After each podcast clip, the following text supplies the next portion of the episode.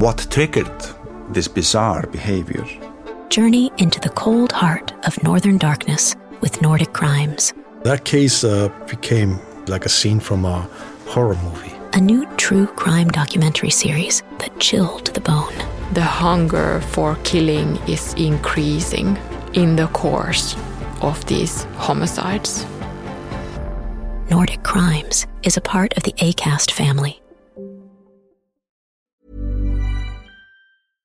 Hey, I'm Ryan Reynolds. At Mint Mobile, we like to do the opposite of what Big Wireless does. They charge you a lot, we charge you a little. So naturally, when they announced they'd be raising their prices due to inflation, we decided to deflate our prices due to not hating you. That's right. We're cutting the price of Mint Unlimited from $30 a month to just $15 a month. Give it a try at mintmobile.com slash switch. $45 upfront for three months plus taxes and fees. Promo rate for new customers for limited time. Unlimited more than 40 gigabytes per month. Slows. Full terms at mintmobile.com. Everyone knows therapy is great for solving problems, but getting therapy has its own problems too, like finding the right therapist, fitting into their schedule, and of course, the cost. Well, BetterHelp can solve those problems. It's totally online and built around your schedule. It's surprisingly affordable too. Connect with a credentialed therapist by phone, video, or online chat, all from the comfort of your home. Visit betterhelp.com to learn more and save 10% on your first month. That's BetterHelp, H E L P. Hey, it's Ryan Reynolds, and I'm here with Keith, co star of my upcoming film, If, only in theaters, May 17th. Do you want to tell people the big news? All right, I'll do it. Sign up now and you'll get unlimited for $15 a month in six months of Paramount Plus Essential Plan on us. Mintmobile.com slash switch. Upfront payment of $45 equivalent to $15 per month. Unlimited over 40 gigabytes per month. Face lower speeds. Videos at 480p. Active Mint customers by 531.24 get six months of Paramount Plus Essential Plan. Auto renews after six months. Offer ends May 31st, 2024. Separate Paramount Plus registration required. Terms and conditions apply if rated PG.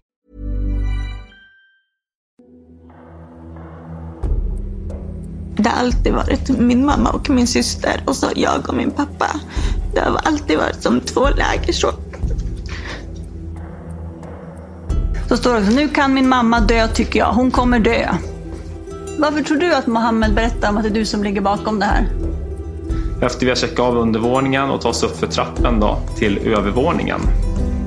Jag söker av de rum som finns på övervåningen och där anträffar vi en mannen då, liggandes i sängen.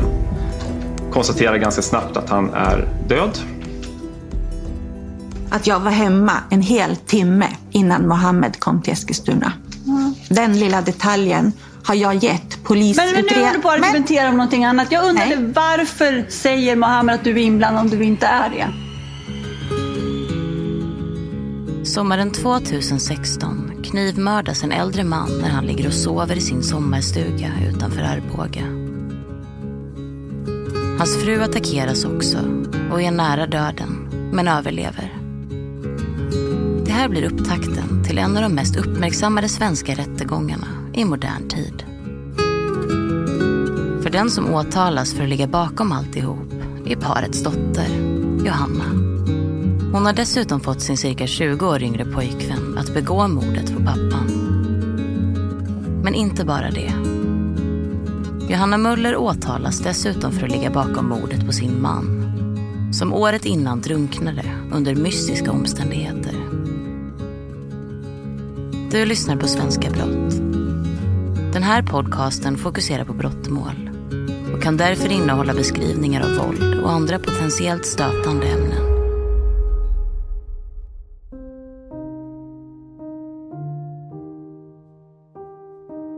Inbördeskriget i Syrien gör att ovanligt många människor 2015 flyr för att söka asyl i EU-länder.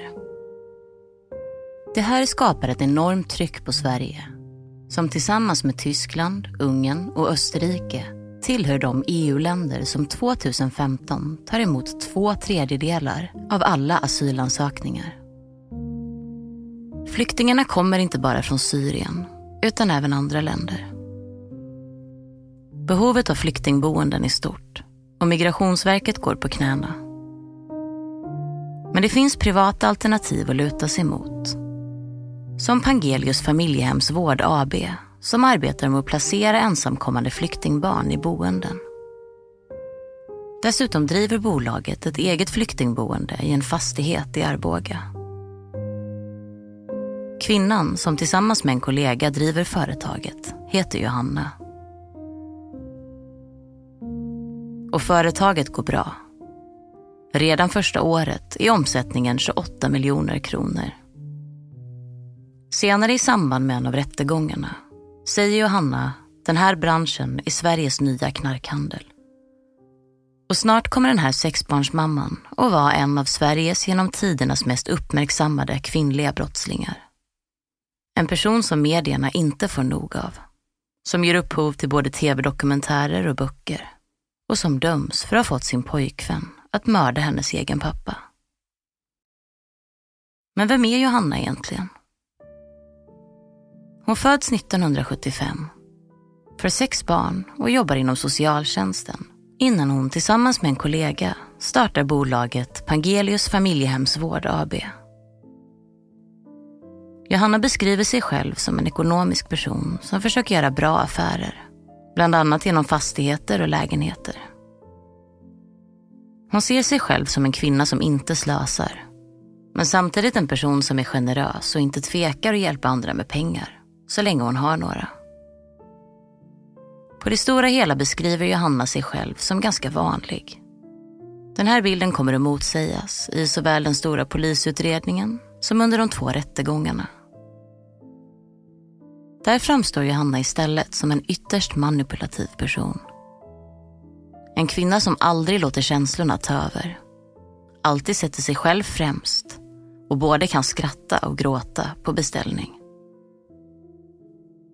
Dessutom har Johanna, enligt flera vittnen, en imponerande pondus som ibland gränsar till det obehagliga. Och den gör att hon ofta får som hon vill. Inte minst när Johanna har ekonomiska problem. Vilket tycks vara en återkommande huvudvärk i hennes liv. Men då finns det en person som gång på gång hjälper till. Hennes pappa. Han driver i många år ett framgångsrikt företag som 2011 säljs med stor vinst. Så det saknas inte resurser att stötta. Men relationen mellan pappa och dotter är komplicerad. Mamman berättar att friktionen mellan Johanna och föräldrarna börjar redan i tonåren då dottern citat strider om allt. Ingen ovanlig situation, men det här eskalerar i vuxen ålder. Då tycker mamman att dottern framstår som allt mer känslomässigt avstängd och till och med verkar vara rent hatiskt inställd till sin mamma. Johanna själv har en annan version. Så här berättar hon i Västmanlands tingsrätt. Fortsatt förhör med Johanna Möller, det är åklagaren som fortsätter fråga. Mm, tack. Ehm, ja, sist så pratade vi om din relation till din pappa. Mm. Då tänkte jag fråga dig om eh, din relation till mamma. Hur var den? Eh, som jag eh, har förstått nu. Eh, eller jag har väl aldrig riktigt känt mig älskad av.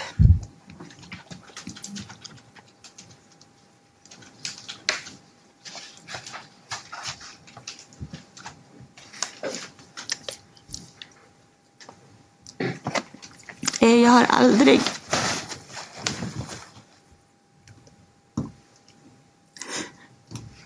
Jag har aldrig känt mig älskad av min mamma.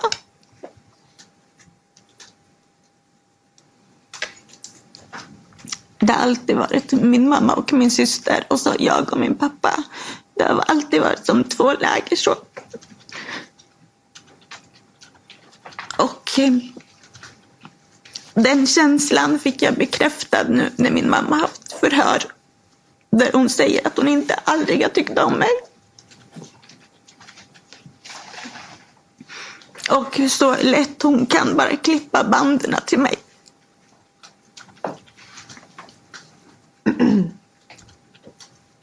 jag har alltid älskat min mamma. Trots att åren går verkar det som om Johannas ekonomiska bekymmer bara tilltar. Hennes mamma upplever att dotterns frågor om att få pengar av pappan aldrig tar slut. Med tiden börjar mamman därför bokföra allt som föräldrarna gett till Johanna. Till slut är summan uppe i 600 000 kronor. De här gåvorna gör dock inget för att förbättra relationen mellan dotter och föräldrar. tvärtom. Mamman berättar att Johannas pappa vid ett tillfälle ger dottern pengar för att kunna betala av en påstådd skatteskuld. Men senare upptäcker han att de används till helt andra saker, bland annat en bröstförstoring. Kvällen den 3 augusti 2016 befinner sig Johannas föräldrar vid sitt sommarställe Granliden vid Hjälmaren, söder om Arboga. De går och lägger sig vid 22-tiden och somnar i sin dubbelsäng. Efter en stund vaknar Johannas mamma av att en okänd gärningsman sitter gränsle över hennes make i sängen och hugger honom med en kniv. Sen hugger han även henne och hon svimmar av. Johannas mamma vaknar och svimmar av flera gånger innan hon till slut lyckas ta sig upp ur sängen. Hon ser sig i spegeln men känner inte igen sig själv. En tand saknas och hon har stora hål i ansiktet. Johannas mamma är svårt chockad, tänker inte klart. Hon funderar på att duscha, men ringer sen till larmcentralen. En polispatrull skickas direkt. Men att hitta till Granliden är inte helt enkelt. Svårt medtagen försöker Johannas mamma förklara hur polis och sjukvårdspersonal ska hitta till platsen. Det tar 40 minuter innan de är på plats. Den första polispatrullen har bara fått vaga uppgifter och tar därför det säkra före det osäkra. De vet att en kvinna är svårt skadad men kanske finns också en beväpnad gärningsman eller i värsta fall flera gärningsmän kvar på platsen. Poliserna parkerar därför en bit därifrån. En av poliserna beskriver senare i tingsrätten vad som händer därefter. Eh, vi går till fots eh, via en grusväg då, eh, fram till det här huset. Då. Vi känner snabbt igen alltså vilket det aktuella huset är, för jag har fått det beskrivet av LKC ungefär hur det skulle se ut, att det skulle lysa i huset och så vidare.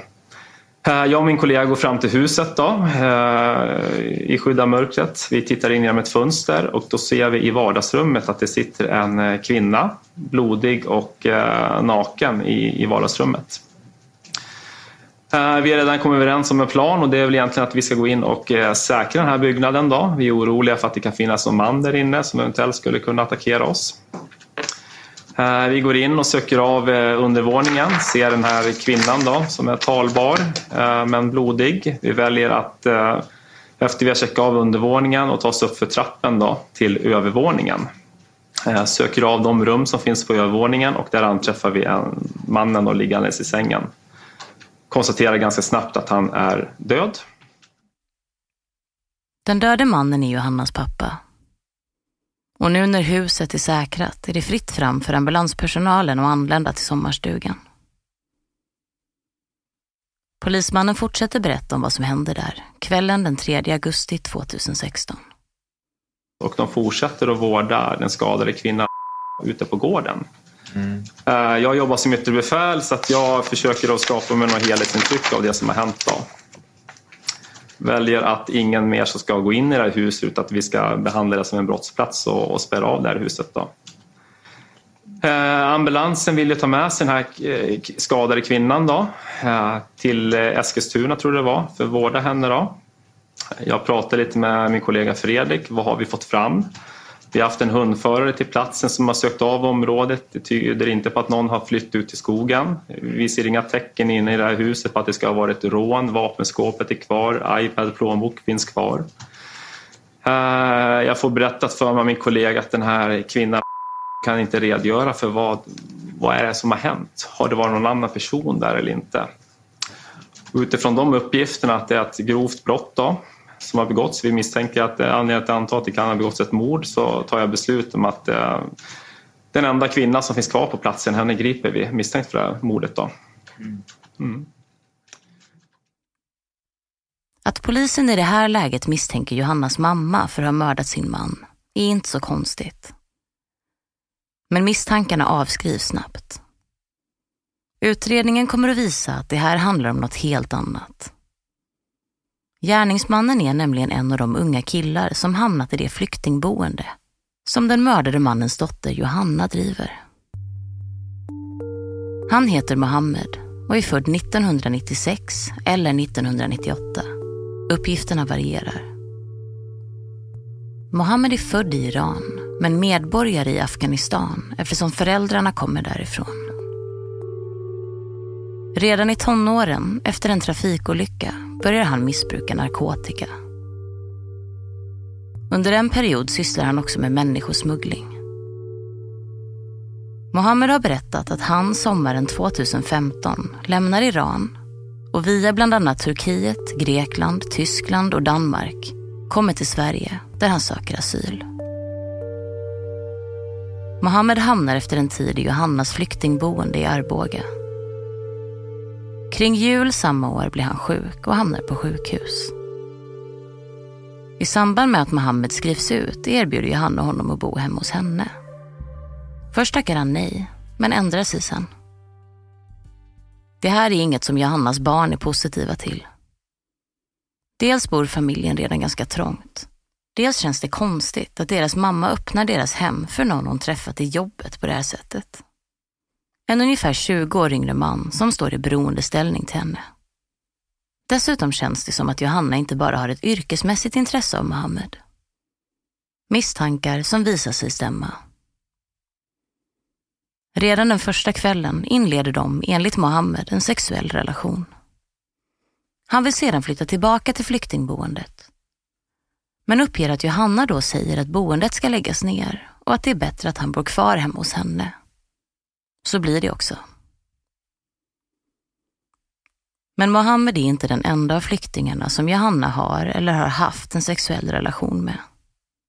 Mohammed berättar att han får veta att hon också haft sex med två andra killar. Eftersom åtminstone ett sexuellt möte finns på film börjar killarna prata om att pressa Johanna på pengar. För 100 000 kronor ska filmen raderas. Men det slutar med att den hamnar i media istället. Chef på flyktingboende tvingade pojkar till sex, skriver Aftonbladet. Det här gör att socialtjänsten upphör med sina placeringar. Skandalen gör att Johannas kollega försöker köpa ut henne. Kollegan berättar senare att hon i samband med detta får hotfulla meddelanden som hon misstänker Johanna för att ligga bakom. Enligt Mohammed börjar Johanna nu också prata allt mer om sina föräldrar. Han berättar att hon anklagar sin pappa för fruktansvärda saker som ska ha skett under hennes barndom. Enligt Mohammed pratar hon i termer av att hon hatar sina föräldrar. Att huvudena inte ska vara kvar på deras kroppar. Att hon nu bestämt sig för att de båda förtjänar att dö. Och att hon behöver hans hjälp. Enligt Mohammed stretar han först emot han tror att Johanna ljuger om sina barndomstrauman och säger nej till att hjälpa henne. Men enligt Mohammed fortsätter hon att tjata. Övertalningskampanjerna kan pågå i timmar. Om det här har skett i den utsträckning han senare berättar, om det är överdrivet eller inte har ägt rum överhuvudtaget, är omöjligt att veta. Kanske talar Mohammed sanning. Kanske vill han försöka skjuta över en så stor del av skulden som möjligt på Johanna. Oavsett vilket så beger sig Mohammed den 3 augusti 2016 till sommarstugan söder om Arboga, där Johannas föräldrar befinner sig. Det är hon som skjutsar honom dit, berättar han. Men utan att följa med fram till brottsplatsen. Istället väntar hon i bilen. Johanna nekar dock till att hon varit med. Så här berättar hon under rättegången. Om vi då går tillbaka till den 3 mm. augusti. Mm. Hittar Mohammed till Granliden? Jag vet inte. Jag hittade dit första gången eh, med pappas eh, förklaring. Vi hade ingen GPS då. Eh, det är ju bara att hålla vänster hela tiden. Vänster, vänster, höger. Så att eh, har man varit där dagen innan så hittar man nog dagen efter. Ja, det tror jag. Hade du förklarat vägen för, för honom ut? Nej, vi var ju där dagen innan. Mm. Och nu sa du vänster, vänster? Höger. Jag vet inte var du började någonstans men... Nej, jag började mot Sickelsjö tror jag. Ja. Ja, ja, det är lätt att hitta i alla fall. Och vilket håll svänger man när man svänger mot Sickelsjö? Vänster. Gör man? Ja, gör man inte? Nej, man svänger höger mot Sickelsjö. Efter att åklagaren och Johanna diskuterat vägen till föräldrarnas landställe pratar de om vad Johanna sagt i tidigare förhör. Har man åkt runt för att komma till Granliden? Ja, ja. Men Det kan ni titta på sen, så se om ni ska åberopa det där. Eh, men du har ju sagt tidigare att Mohammed inte hittar dit.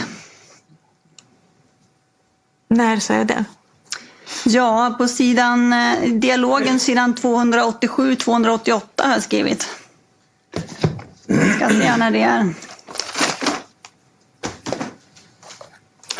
Ska bara få upp det här.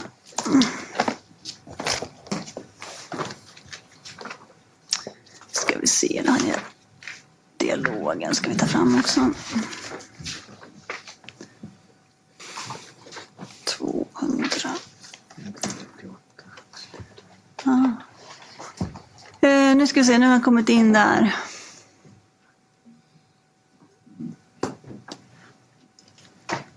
Då står det så här, då har du fått frågan överst på sidan 288.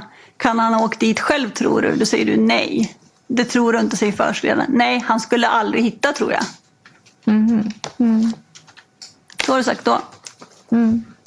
Är det så?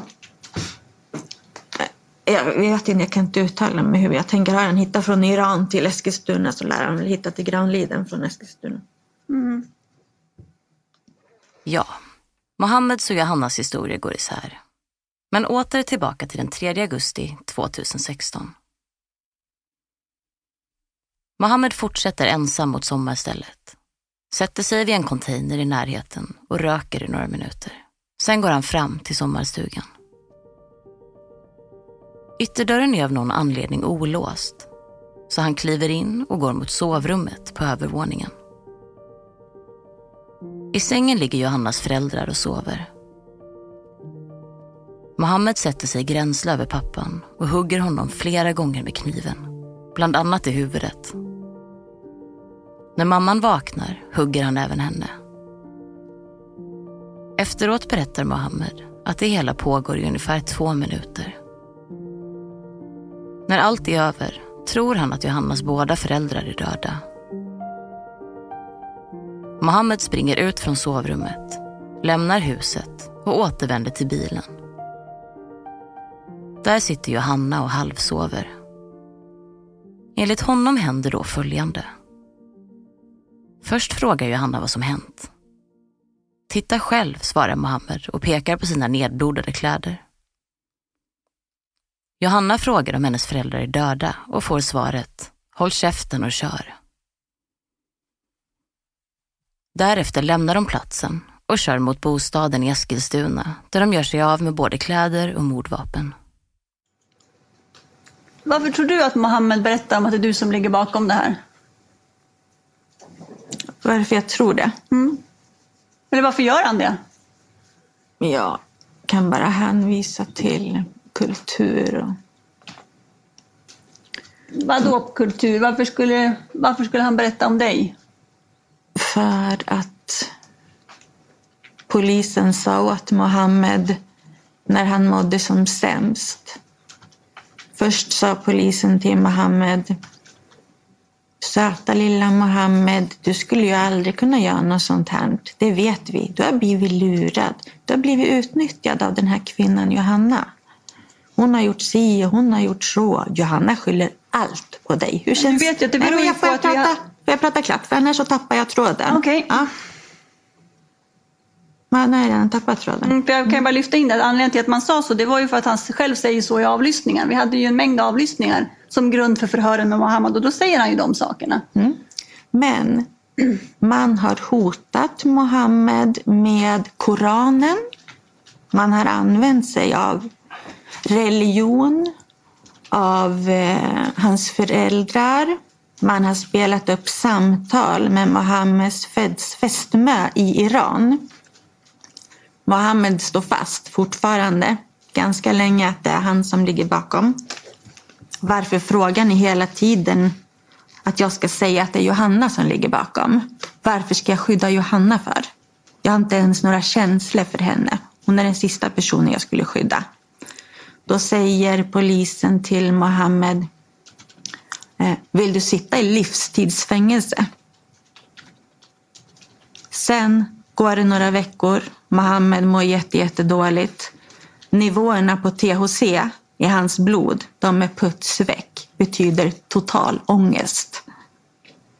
Då säger polisen till Mohammed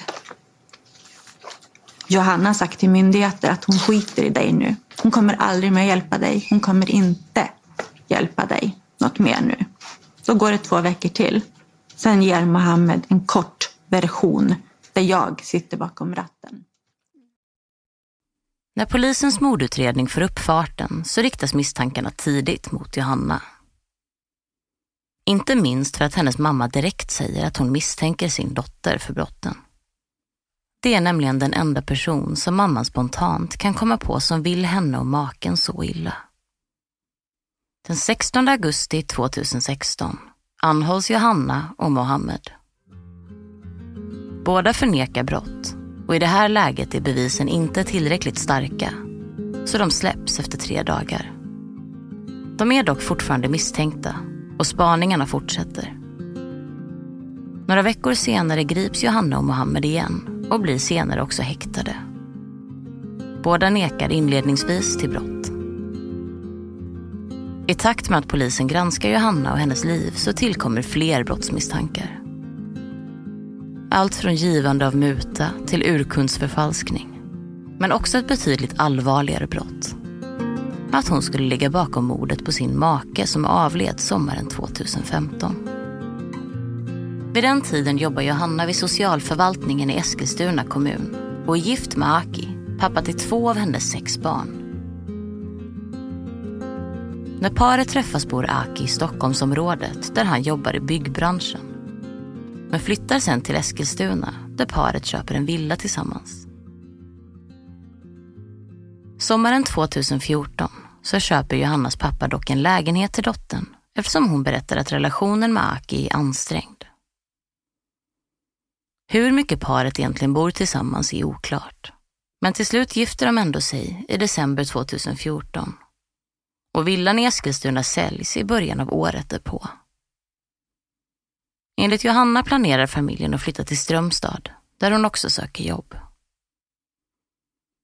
Hur det egentligen står till med relationen råder det vitt skilda meningar om. Enligt Johanna stormar det rejält.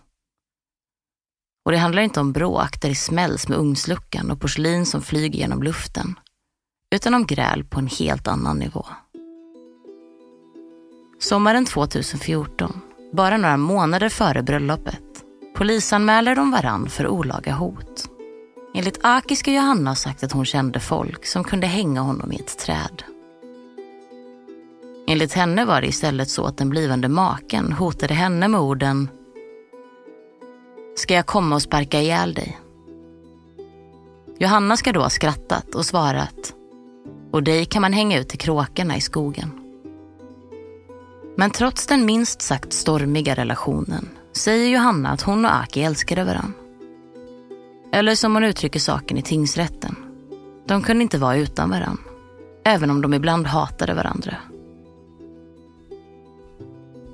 Enligt Johanna fanns också annat som slet på förhållandet. Hon berättar att Aki under flera dagar kunde vara inne i sin egen bubbla. Och då varken tittade han på henne eller pratade med barnen. Hon uppger också att maken ofta försvann iväg på kvällen och att hans lön snabbt tog slut. Enligt Johanna ska Aki också ha berättat för henne att han tidigare i livet tagit anabola steroider. Hon berättar också att hon sett honom påverkad flera gånger. Och att en av hennes döttrar upplevt Aki som citat bensoflummig. Av detta drog Johanna slutsatsen att maken bakom ryggen på familjen använde narkotika. Men det här tycks ingen annan hålla med om. Eller ens ha sett tendenser till. Varken vänner eller kollegor. Däremot tyckte Johanna och Aki om att äta och dricka gott. Vilket de också gör fredagen den 7 augusti 2015. Då lånar de Granliden, sommarstället utanför Arboga, där hennes pappa mördas året efter. De åker dit tillsammans med barnen för att fiska och fira att Aki nyligen har fyllt år. De äter bland annat löjrom och rökta räkor och dricker champagne. Enligt Johanna pratas det mest om den planerade flytten till Strömstad. Men sen blir paret osams eftersom Aki tycker att hon köpt för lite skaldjur. Det hela ska ha slutat med att maken ensam gick och satte sig på bryggan. Johanna berättar att hon vid nio tiden på kvällen lägger barnen. Aki syns inte till i huset. Eftersom klockan är så mycket har hon ingen lust att gå ut i mörkret och leta. Förmodligen sitter han utomhus och sover i någon stol, tänker hon. Istället skickar Johanna ett sms och ber honom komma in i huset. Sammanlagt skickar hon 16 sms till honom under kvällen. Men han kommer ändå inte in i huset. Vad tänkte du? Du ligger där uppe i sängen Mm. och sen så smsar du. eh, det är hans födelsedag och ni hade eh, ätit middag tillsammans och så svarar inte han. Det var inte hans födelsedag. Eller hade firat hans födelsedag. Mm. Vi Vad- vad tänker du när han inte svarar? Vi skulle fira hans födelsedag. Ja, men vad tänker du när han inte svarar? Att han inte svarar för att han gjorde så mot mig när han inte ville. Och, och det här var på grund av att du hade köpt för eh, enkla skaldjur. Mm, kan man säga. Och att jag sa att vi istället skulle köpa en tomt där min pappa vid Hjälmaren. Ja. Mm. Han var en kvinnomisshandlare. Har han slagit dig? Nej, psykisk misshandel. Eh, men, men varför går du inte ner och reder ut det här med honom då? Nej, för att jag var uppe med barnen och han svarade inte och då tänkte inte jag heller gå ner till honom. Nej. Varför skickar du flera sms? Det är ju 16 stycken här på kvällen. Mm, exakt. Du märker ganska snabbt att han inte svarar. Mm. Och han har ju då suttit och smsat med någon annan eller några andra. Ja, fast det visste du ju inte då. Nej, precis. Men Så varför fortsätter du att skicka sms? Vad sa du? Varför fortsätter du att skicka sms när han inte svarar? Om man har lite kunskap, psykologi, psykologi, hur en misshandlad kvinna agerar så är det inte konstigt att man sitter och skickar många sms och bjuder ut sig i sin kropp. Med min bakgrund, med alla övergrepp, sexuella övergrepp. Mm. Jag är ett skolboksexemplar på hur de gör. Okej. Ringer du inte honom?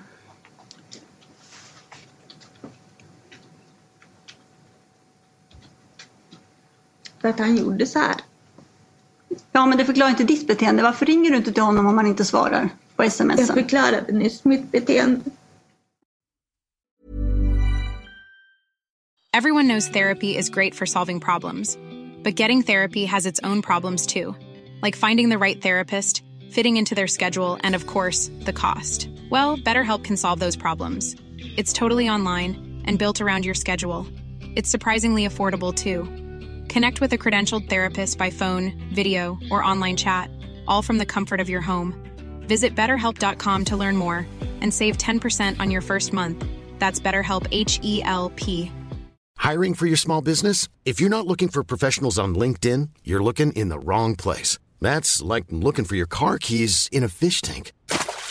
LinkedIn helps you hire professionals you can't find anywhere else, even those who aren't actively searching for a new job but might be open to the perfect role. In a given month, over 70% of LinkedIn users don't even visit other leading job sites. So start looking in the right place. With LinkedIn, you can hire professionals like a professional. Post your free job on linkedin.com slash people today.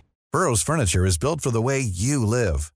From ensuring easy assembly and disassembly to honoring highly requested new colors for their award-winning seating, they always have their customers in mind. Their modular seating is made out of durable materials to last and grow with you. And with Burrow, you always get fast, free shipping. Get up to 60% off during Burrow's Memorial Day sale at burrow.com slash ACAST. That's burrow.com slash ACAST. burrow.com slash ACAST. Hon somnar utan att ha fått syn på maken.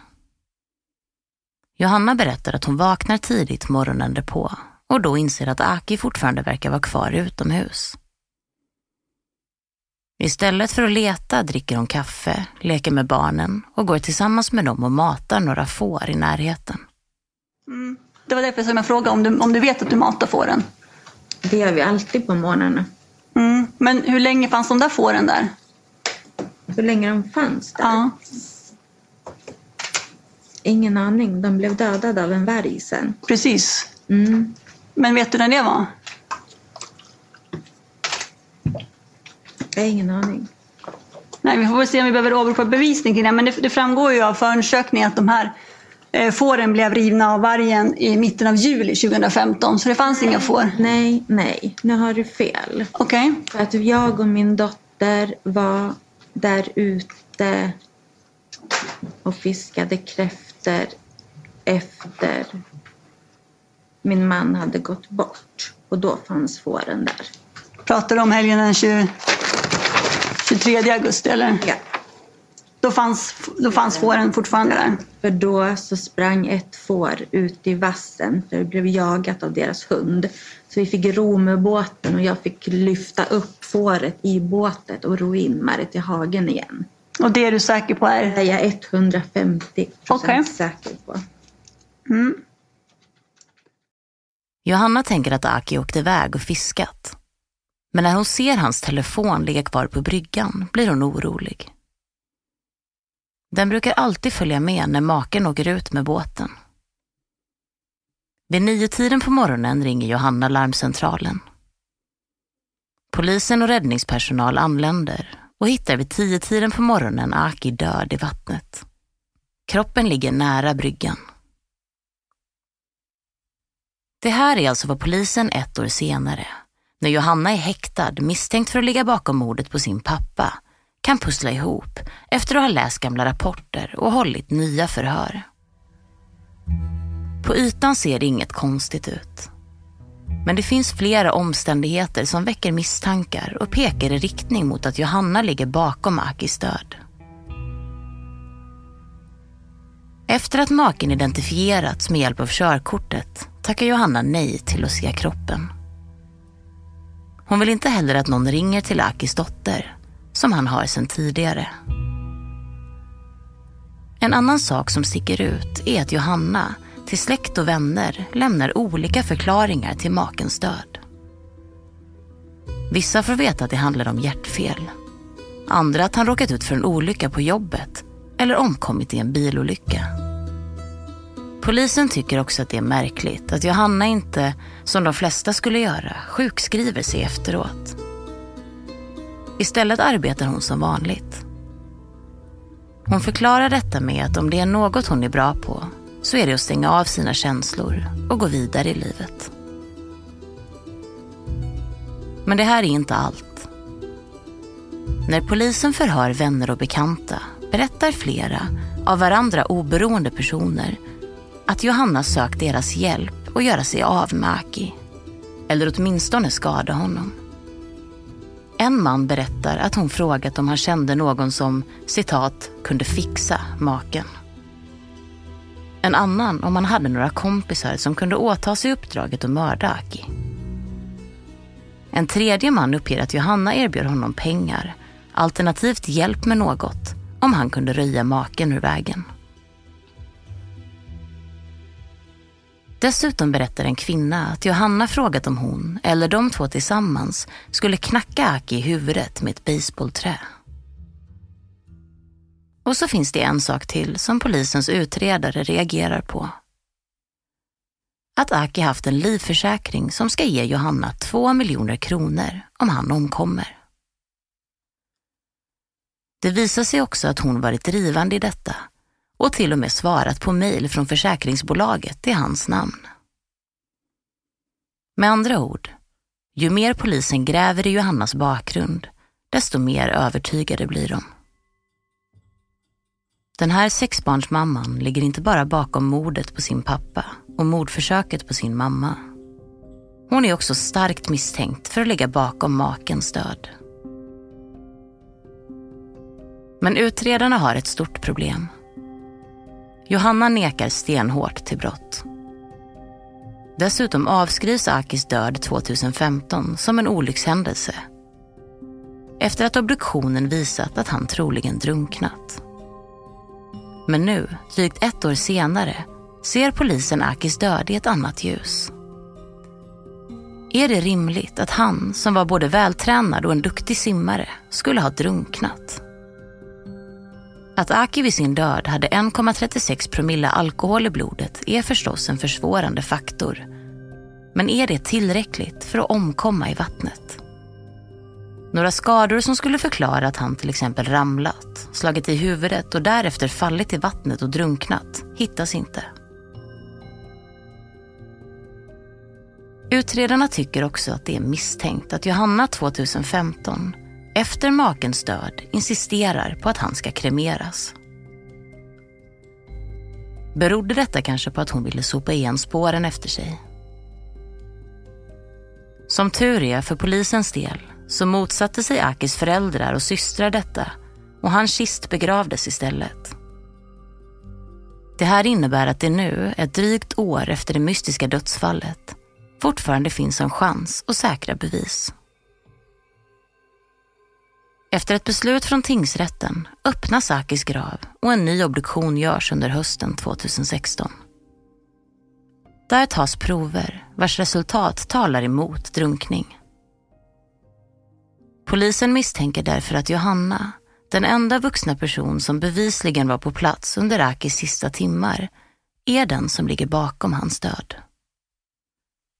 Exakt hur hon i så fall ska gått tillväga är en gåta. Men Johanna åtalas ändå för att ha mördat Aki. Efter en omfattande polisutredning väcks åtal och i maj 2017 inleds rättegången i Västmanlands tingsrätt i Västerås. Rättegången hårdbevakas av journalister som kallar det som hänt allt från Arbogafallet till Sommarstugemordet. Till SVT säger rådman Hans-Åke Nygren, domare i målet. Jag har själv aldrig varit med om ett mål som varit så uppmärksammat i riksmedia tidigare. Mohammed, som inledningsvis förnekat brott, erkänner nu att han mördat Johannas pappa och attackerat mamman. I Västmanlands tingsrätt berättar han via tolk om brotten. Och när man är väl där uppe går du för trappan, precis mittemot trappan så är det en dörr och det går till sovrummet till dem. Hur visste, eller sa Johanna att du skulle gå till sovrummet? Johanna بتگفت برو داخل اتاق خواب؟ Ja. Ja. Sa hon att, att eh, hennes föräldrar skulle finnas i sovrummet? بهت گفتش که پدر مادرش داخل اتاق خوابن؟ Ja. Ja. Sa hon någonting om hur hon kunde veta det? از کجا خبر داری که اونجان؟ Nej. Nej. Sa hon någonting annat om föräldrarna? مورد پدر مادرش یه چیز دیگه بهت گفت؟ چیز خاصی دیگه نه Ingen särskild nej. فقط همین توضیح داد که راه پله چجوریه اتاق خواب Hon چجوریه förklarar bara alltså vart trapphuset ligger, trappan och vart ligger sovrummet och hur det ser ut. Mohammed får frågan om någon av Johannas föräldrar gjorde motstånd.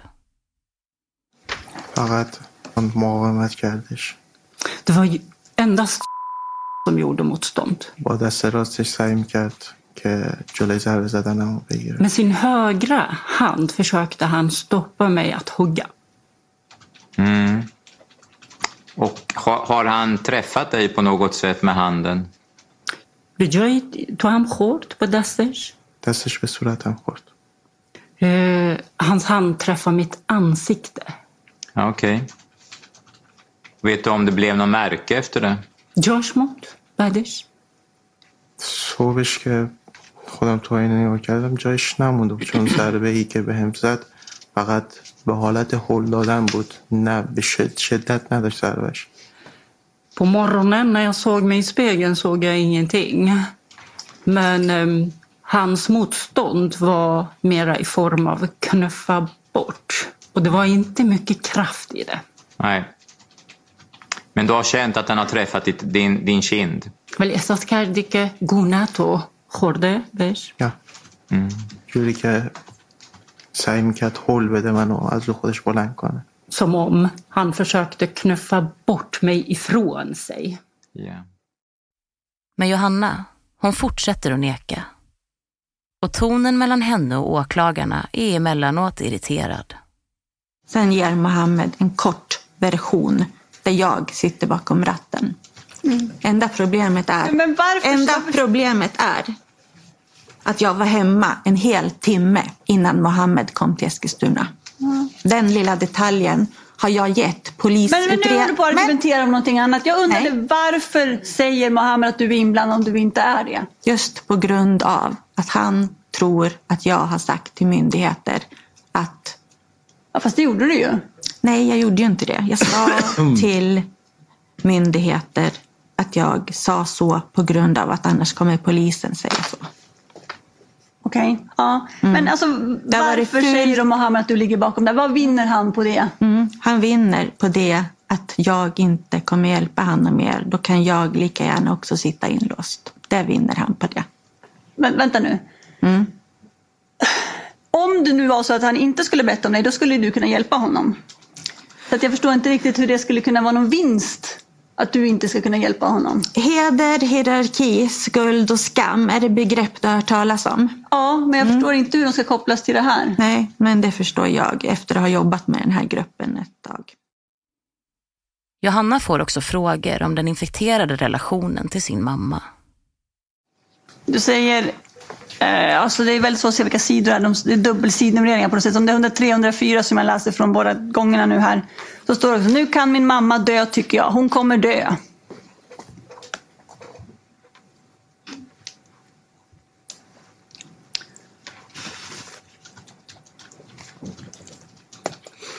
Det finns också på 1064 och framåt. Och sen finns det också på ett förhör i sista. Jag kanske inte menar det, eller hur? Jag älskar min mamma. Det är lättare att säga att man hatar än att bli ratad. Kanske ska läsa de meningarna. Istället. Längst ner på sidan 1064. Jag hoppas min mamma dör.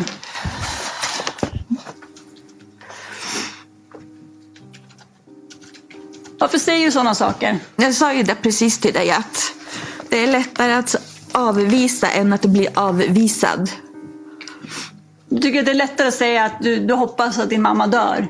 Som jag sa sen i senare förhör så sa, står det att jag kanske inte menade det jag sa. Jag älskar min mamma.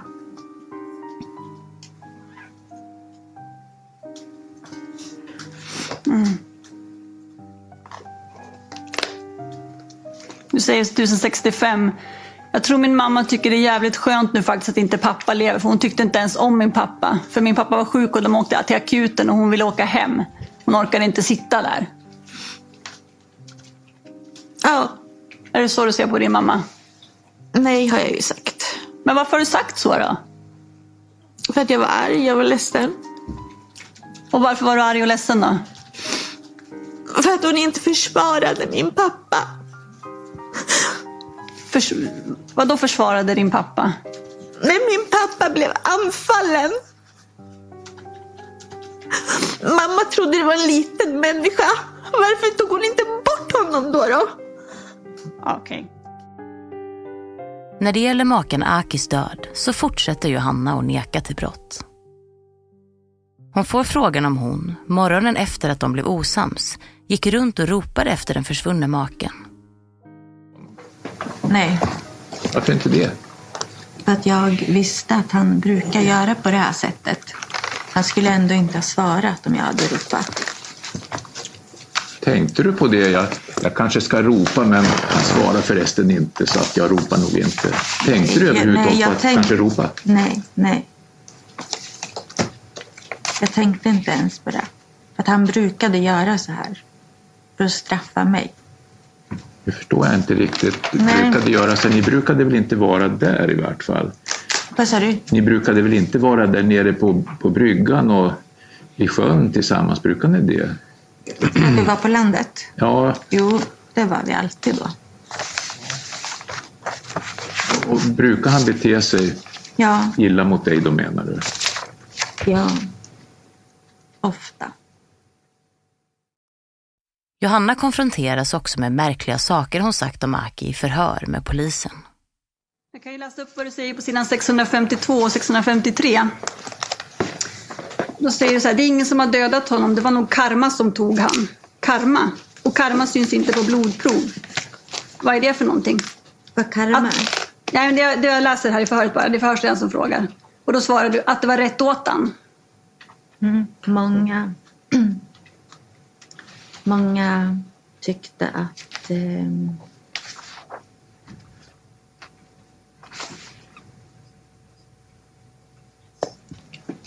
Det är du som har sagt att det var rätt åt honom. Vad, vad tycker du? Nej, många tyckte att det var karma. För han var elak. Mm. Men det är du som säger det här i det här förhöret? Mm. Och jag hänvisar ju till vad folk säger. Aha. Ja. Rapporteringen kring Johanna gäller inte bara brottsmisstankarna.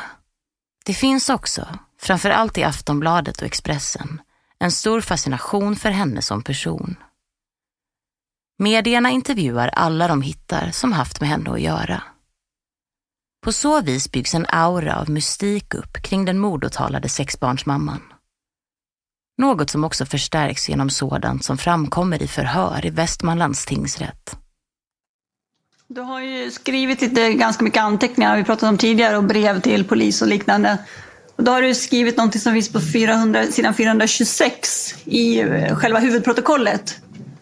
Så har du beskrivit ditt liv lite grann och din, din tillvaro här under de senaste åren och sen så har du sammanfattat det i ett ord som du har skrivit med stora bokstäver med utropstecken och som är understruket. Superwoman. Det var ett skämt till poliserna. Är det ett skämt? Det var ett skämt till polisen. Ja. Det är inte så du ser på dig själv då? Nej. Nej. Varför skämtar du med polisen när du sitter och blir förhörd i en mordutredning?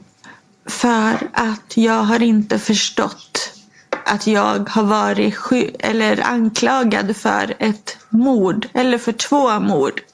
När jag, när jag flyttades till Karlstad då blev det ytterligare ett trauma för mig. Och då förstod jag helt plötsligt att det var min pappa som var död. Att han aldrig mer kommer komma tillbaka. Menar du att du inte har förstått det på flera... För det här var i november du skrev det här. Nej. Förklara nu Johanna. Har du inte förstått att du är misstänkt för två mord? Nej. Och hur kan du inte Tror jag sitter och försvarar en person som har brutalt huggit ihjäl min pappa. Ja, men du satt ju här i, i måndags och sa att du skulle gifta dig med honom fortfarande. Jag sa i måndags att de kvinnorna som lever i Iran, de förhållandena, det ska ingen någonsin behöva uppleva. Och kan jag då gifta mig med Mohammed så att han kan ta hit en kvinna, då har vi räddat en kvinnas liv. Förstår du? Mm, men du sa ju också att du älskar honom. Superwoman eller inte. I augusti 2017 meddelar Västmanlands tingsrätt sin dom. Johanna, nu 42 år gammal, döms till livstidsfängelse. De allvarligaste brotten hon fälls för är mordet på pappan och mordförsöket på mamman. Dessutom fälls hon för anstiftan av mord på maken Aki, trots att det inte gått att reda ut exakt hur detta har gått till. Johannas pojkvän Mohammed döms på grund av sin låga ålder till 14 års fängelse och livstidsutvisning för mord och mordförsök.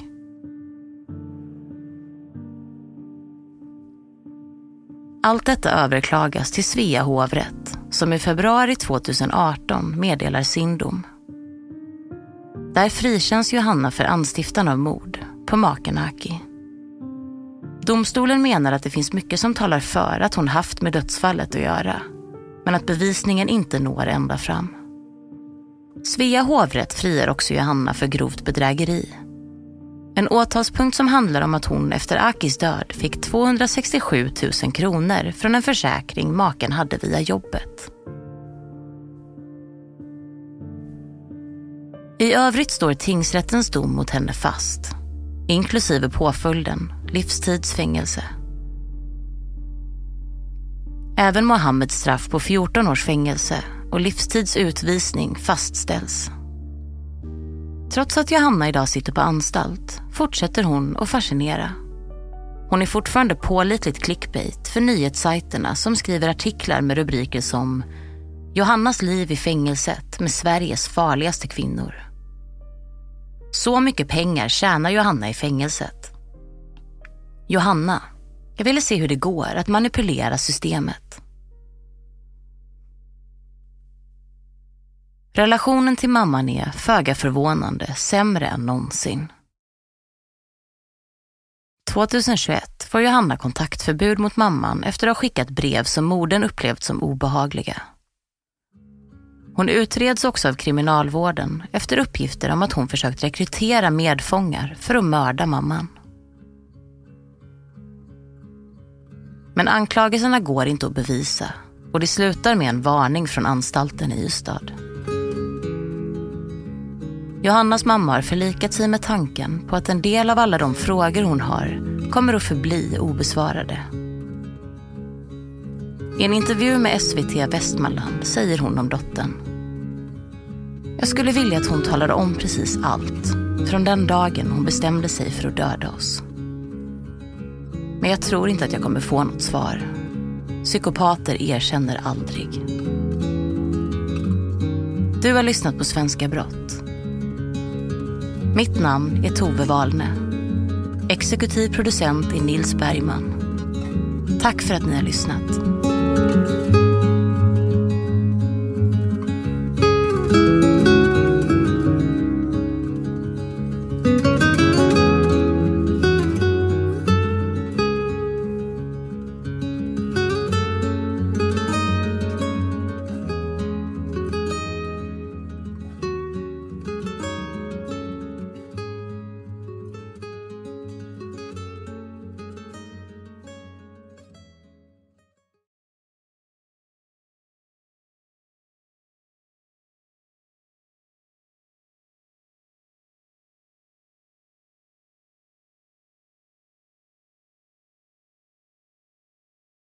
What triggered this bizarre behavior?